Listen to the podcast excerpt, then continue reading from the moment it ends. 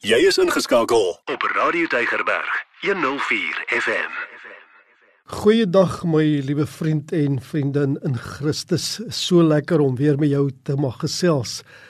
Ek uh, hanteer vandag eintlik die derde van drie boodskappe uit Romeine hoofstuk 5 uit. So as jy nou die vorige twee dalk gemis het, kan jy gerus gaan soek in die pot gooi na die onderwerp soek na vrede met God en dan die tweede een was misdadiger vrygespreek. En vandag wil ek met jou praat oor die eerste Adam bring dood. Die laaste Adam bring lewe. En soos ek reeds gesê het, ons gaan lees daar uit Romeine hoofstuk 5 en ons gaan vandag lees van vers 12 af. Maar voor ons lees, kom ons bid net eers saam. Hemelse Vader, dit is altyd vir ons wonderlik om hierdie woord van U te lees.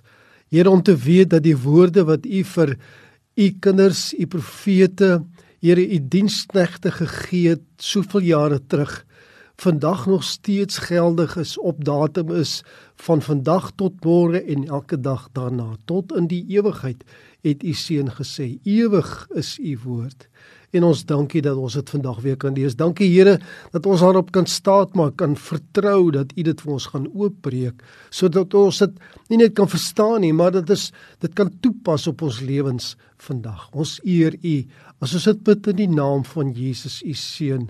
Amen.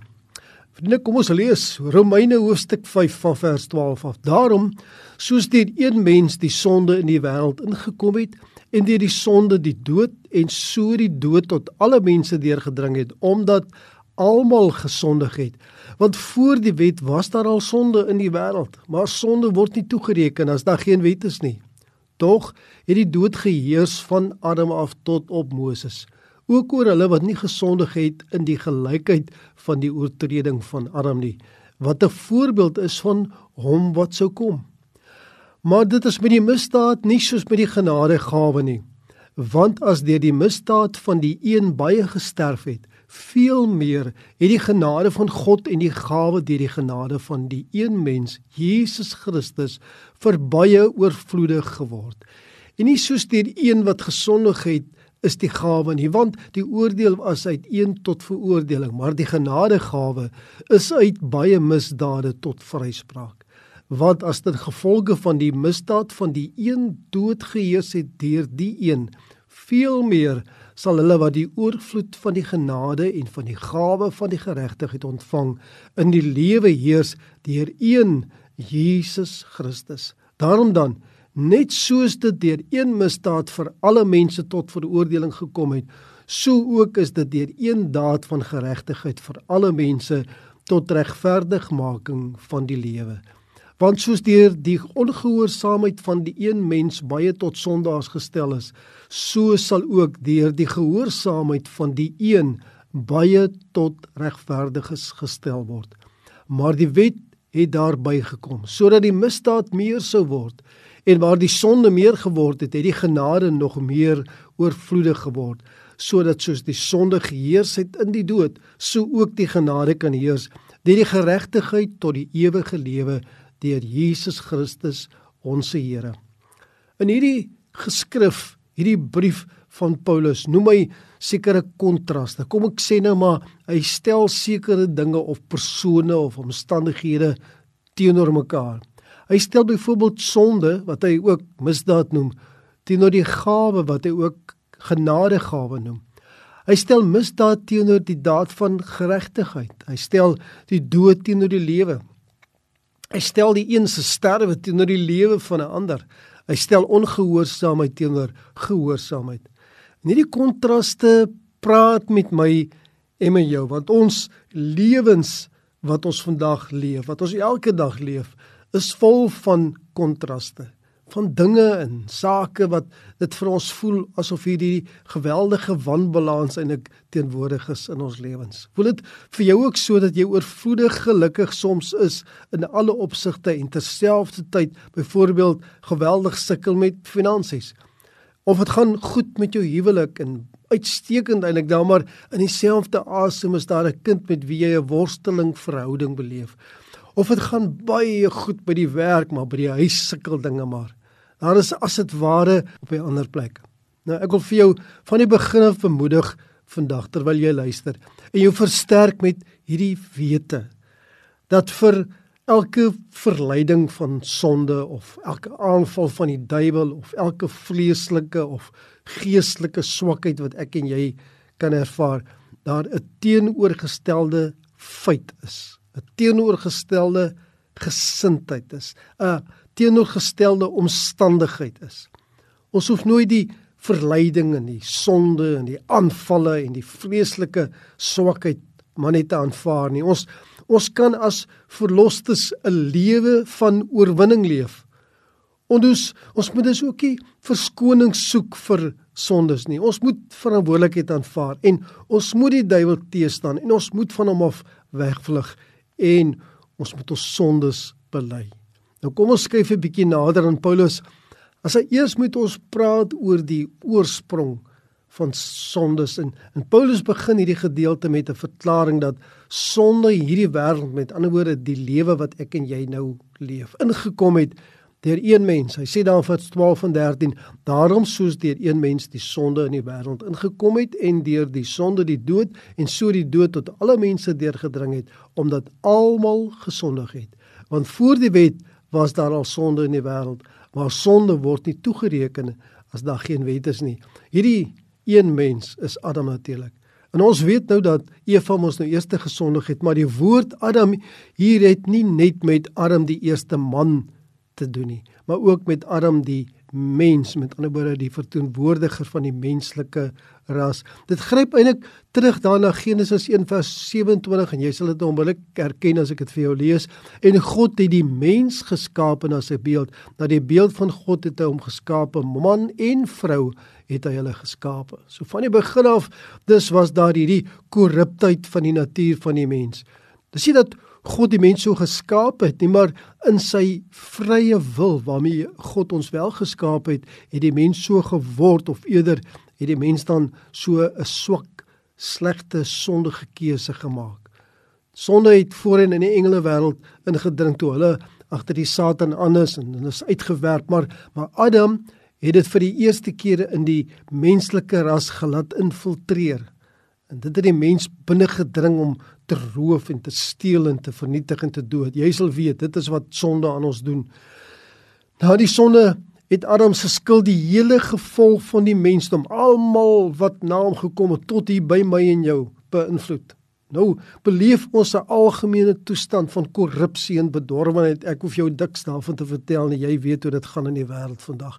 In Adam het ons dus almal gesondig. In Adam sterf ons almal. Ons is almal van een bloed gemaak volgens Handelinge 17 vers 26 en daarom is dit ook so dat ons uiteindelik hierdie hierdie deurlopendheid van Adam af tot by ons vandag en so sal dit wees tot aan die einde van die tyd. Deur hierdie sonde het die dood ook tot ons almal gekom want die dood is die loon van die sonde. Dis die logiese gevolg van sonde as 'n as 'n tydelike dood van die liggaam en ook 'n ewige geestelike dood wat ek en jy beleef. As Adam nie gesondig het nie, dan het hy ook nooit gesterf nie, want dan sou die straf mos eintlik nie in werking gestel word nie. Die dreigement van die dood was van die begin af vir Adam gegee en natuurlik ook vir Eva in Genesis 2:17. Maar van die boom van die kennis van goed en kwaad, daarvan mag jy nie eet nie. Want die dag as jy daarvan eet, sal jy sekerlik sterwe. Die dood was dus soos 'n vonnis wat uitgespreek is nadat die sonde gepleeg is as 'n misdaad. Daarom beskryf Paulus dit ook as 'n misdaad. Soos 'n ongeneeslike siekte het die dood oor die hele mensdom gekom en nie een spring dit vry nie. Ek en jy weet dit vandag. Ek en jy is maar te bekend met die gemeenskaplike belewing van probleme so siektes en verskeie ander rampe wat daagliks tot die dood kan lei. In Romeine 5 vers 14 word die dood beskryf as dat dit heers soos 'n monarg of soos 'n koning oor 'n ewige koninkryk en en niemand ontsnap sy septer nie. Dis is die laaste vyand wat vernietig moet word, sê 1 Korintiërs 15 vers 26. En inderdaad is dit so dat die dood is vir ons hierdie hierdie vyand, 'n hartseer saak eintlik vir almal van ons. Paulus is ook baie ernstig daaroor dat ons nie moet dink dat sonde eers begin het toe daar 'n wet gekom het. Met ander woorde wat hy bedoel het is dat ek kan ons maar doen net wat ek wil, Maar die oomblik as daar 'n wet is, as daar 'n reël is, dan word dit wat ek doen geklassifiseer as verkeerd of teen die wet en dan word dit 'n sonde. En nou sê dat daai sonde uiteindelik al bestaan voordat daar 'n wet was. Ons het dit was nie nodig gewees om 'n wet te hê selfs om te wys dat daar 'n sonde is. Die die sonde was reeds daar. En as dit so was, dan sou die sonde van Adam nie deur die mensdom versprei het nie, want dan sou sonde net geïdentifiseer kan word as 'n as 'n daad of 'n gedagte of 'n of woorde wat met die wet vergelyk kon word as 'n oortreding bepaal kon word. Maar nou is dit so dat sonde met ander woorde van Adam se tyd af al reeds bestaan en dit was so tot en met Moses en natuurlik tot vandag hier by my en jou. Romeine 5 vers 14 sê tog het die dood geheers van Adam af tot op Moses ook oor hulle wat nie gesondig het in die gelykheid met ander woorde in die op dieselfde vlak van Adam nie van die oortreding van Adam nie wat 'n voorbeeld is van hom wat sou kom en hierdie hom natuurlik met hoofletters geskryf verwysend na Jesus Christus. Nou hoekom is dit belangrik vir ons vandag? Want ons moenie dink dat ons geregverdig kan word deur die wet van Moses na toe kom nie. Ek weet daar's mense wat dink nee, maar kom ek kom net die 10 gebooie na dan se ek oukei. Okay. Of anders gestel, ons moenie dink dat ons nou maar deur mooi en goed te leef geregverdig kan word nie. Sien die sonde van Adam en die dood as die gevolg daarvan is geldig selfs vir mense wat nie hulle eie sonde gepleeg het nie. Byvoorbeeld klein kindertjies. Ons weet ons nou klein kindertjies sterf ook as gevolg van die feit dat die dood gekom het deur sonde. Net so kan ek ook nie myself regverdig deur wel sonde sonde te probeer leef nie. 'n Mooi lewe met ander woorde kanselleer nie die dood as straf vir die sondige natuur van die mens nie. Dis nou as dit nou enigstens moontlik sou wees vir die mens om sonder sonde te leef, dan sou mense kon dink, o, okay, maar as ek sonder sondes leef, dan staan ek 'n goeie kans dat ek nooit gaan sterf nie. Maar dit is natuurlik nie so nie. Nou kom ons lees weer vers 18 en 19. Daarom dan Net soos dit deur een misdaad vir alle mense tot veroordeling gekom het, so ook is dit deur een daad van geregtigheid vir alle mense tot regverdigmaking van die lewe. Want soos deur die ongehoorsaamheid van die een baie tot sondaars gestel is, so sal ook deur die gehoorsaamheid van een baie tot regverdiges gestel word. Arms se sonde was ongehoorsaamheid aan 'n een eenvoudige en duidelike opdrag. Ek wil amper sê dit is so eenvoudig soos daar's 'n stopteken en op die stopteken staan daar stop en al wat jy hoef te doen is jy hoef maar net te stop. Uh en dit is eintlik nie moeilik om te verstaan nie. Wat Adam gedoen het was dus boos. Dit lyk asof dit 'n klein en onbenullige dingetjie is. Hy het maar net van die vrug geëet, maar dit het 'n deur oopgemaak vir baie sondes daarna en daai lysie is eintlik onmoontlik om op te stel. Die gif van die sonde is baie sterk. Want kyk hoe ver het die skuld van Adam versprei. Nou wie sou kon dink dat daardie een daad van ongehoorsaamheid, al die boosheid wat vandag en oor die eeue heen in die wêreld gepleeg is, tot gevolg sou hê. Wie sou dit kon raai? Terwyl een gesondig het, het dit biljoene daarna tot sonde verlei. Die oordeel het dus gekom oor almal wat deur Adam se sonde sondaars gemaak is, ek en jy inkluis.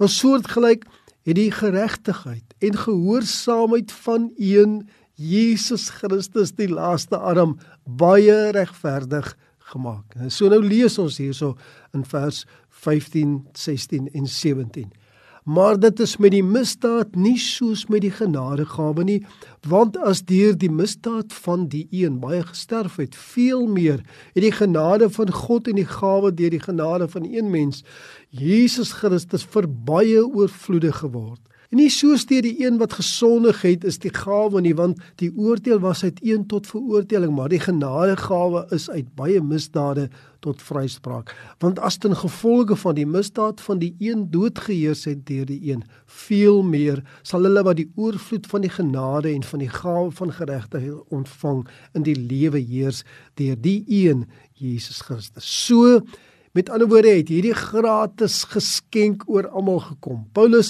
herhaal hierdie waarheid oor en oor as 'n waarheid met 'n groot gevolg. Christus se geregtigheid word beskikbaar gemaak deur sy gehoorsaamheid.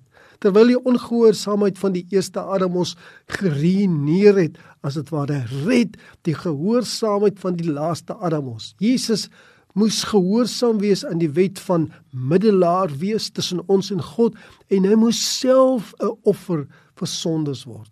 Deur sy gehoorsaamheid het hy regverdigmaking vir ons gebring en God se geregtigheid bevredig. Jy besef ons nou dat God is 'n God van liefde, maar hy's ook 'n God van geregtigheid en hy kan nie hy kan nie die sondes ongestraf laat word nie en Jesus kon dit bevredig. En so het hy Jesus ons weer in hierdie vredesverhouding met die Here gebring wat ons in die heel eerste boodskap oor Romeine hoofstuk 5 gepraat het oor. Die vrug van Christus se gehoorsaamheid is eerstens die gratis geskenk wat algemeen oor alle mense gekom het of dan eerder dit word aan almal aangebied. Wie ook al van die water van die lewe wil kom drink is vry om te drink. Nie net red hierdie geskenk ons van straf nie, nie net red dit ons van die ewige dood nie, maar dit gee ook vir ons die ewige lewe.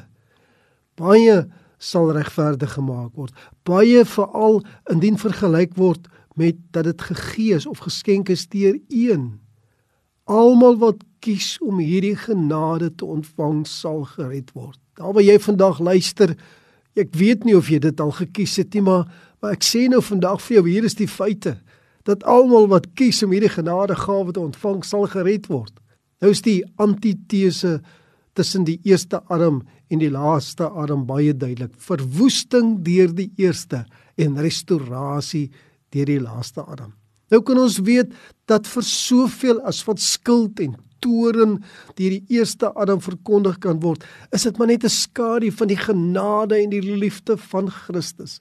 Dis eintlik ontwerp om die kollig te laat val op die liefde en die rykdom van Christus. Ons om dit te verhoog, om dit te verkondig. Dit vertroos en dit bemoedig vir my en vir jou as gelowiges terwyl ons vasgevang mag wees in moedeloosheid oor die wonde wat ons opgedoen het deur die sonde en wonder of daar 'n vergelykbare geneesmiddel is verseker Paulus ons in vers 20 en 21 waar die sonde meer geword het het die genade nog meer oorvloedig geword sodat die sonde geheers het in die dood so ook die genade kan heers deur die geregtigheid tot die ewige lewe deur Jesus Christus ons Here So daar waar jy vandag sit en jy weet Here hier dra ek die letsels van die sonde. Soms is dit selfs fisiese letsels, soms is dit geestelike en emosionele letsels en jy wonder kan die Here my hiervan genees? Dan is die antwoord 'n dawenende ja, natuurlik kan hy uit sy genade uit kan hy dit doen. Ons kan is altyd hoop op die goedheid van die Here te midde van die straf van sonde. Ons kan staat maak daarop dat die Here baie meer gereed is om te red op grond van toegerekende geregtigheid as wat hy sou wou straf op toegerekende skuld. Jy weet, as jy 'n pa of 'n ma is, dis nie lekker om jou kinders te straf nie. Niemand wil dit graag doen nie, maar ons weet ons leer hulle op daai manier om gehoorsaamheid aan te kleef. God se goedheid is van al sy karaktertrekke ook op 'n spesiale manier sy eer. Dit is sy sy heerlikheid. Dit is die genade wat die wortel is van die guns wat ons het in Christus en die gawe van die ewige lewe is deur hierdie genade. Die Here wil eerder genade bewys as dat hy wil straf. Dis ver van hom af eintlik om te wil straf. As daar soveel krag en mag was in die sonne, dan soveel te meer krag en mag in die geregtigheid en die genade van Christus. Wat ons regverdig, wat ons red. As die sonde van Adam die gif is wat deur die nasies versprei het, dan is Jesus Christus se geregtigheid die teenmiddel, die medisyne wat ewige genesing bring. Want sê Paulus in die laaste vers, die genade heers deur die geregtigheid tot die ewige lewe deur Jesus Christus ons se Here. Ek wil hê jy moet dit vandag hoor. Ek wil hê jy moet dit glo.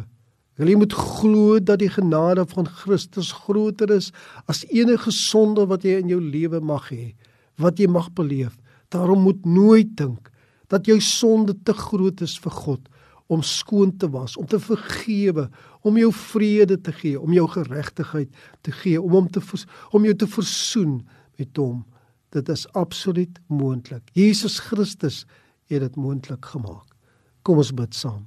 Vader in die hemel, ons is diep diep dankbaar dat ons kan staan voor U en weet dat ons kom staan nie in ons eie krag en geregtigheid nie. Here ons kom staan omdat ons bedek is, omdat ons oorkleed is eintlik met Jesus Christus, omdat daar skoon wassing van sondes beskikbaar is deur sy bloed. Here, hoe sê 'n mens vir U dankie vir dit? Hoe sê mens dankie dat U ons uitgered het uit die ewige dood? Dat al weet ons ons ons liggame sterf op hierdie aarde as gevolg van die straf van sonde, weet ons ons lewe vir ewig in u teenwoordigheid as ons maar net Jesus Christus as verlosser en saligmaker aanvaar het. Here, as daar in hierdie oomblik iemand is wat nog twyfel, bid ek dat u deur u Gees sal oortuig dat daar geen sonde groter of magtiger of kragtiger is as die verlossende werk van Jesus Christus aan die kruis nie. Dat sy werk aan die kruis vir ons onmeetbaar is dat dit 'n ewige werk is en ons dankie daarvoor. Dankie vir u verlossingsplan. Ons bid dit in Jesus wonderlike naam. Amen. Elke dag jou nommer 1 keuse. Radio Deugerberg 104 FM.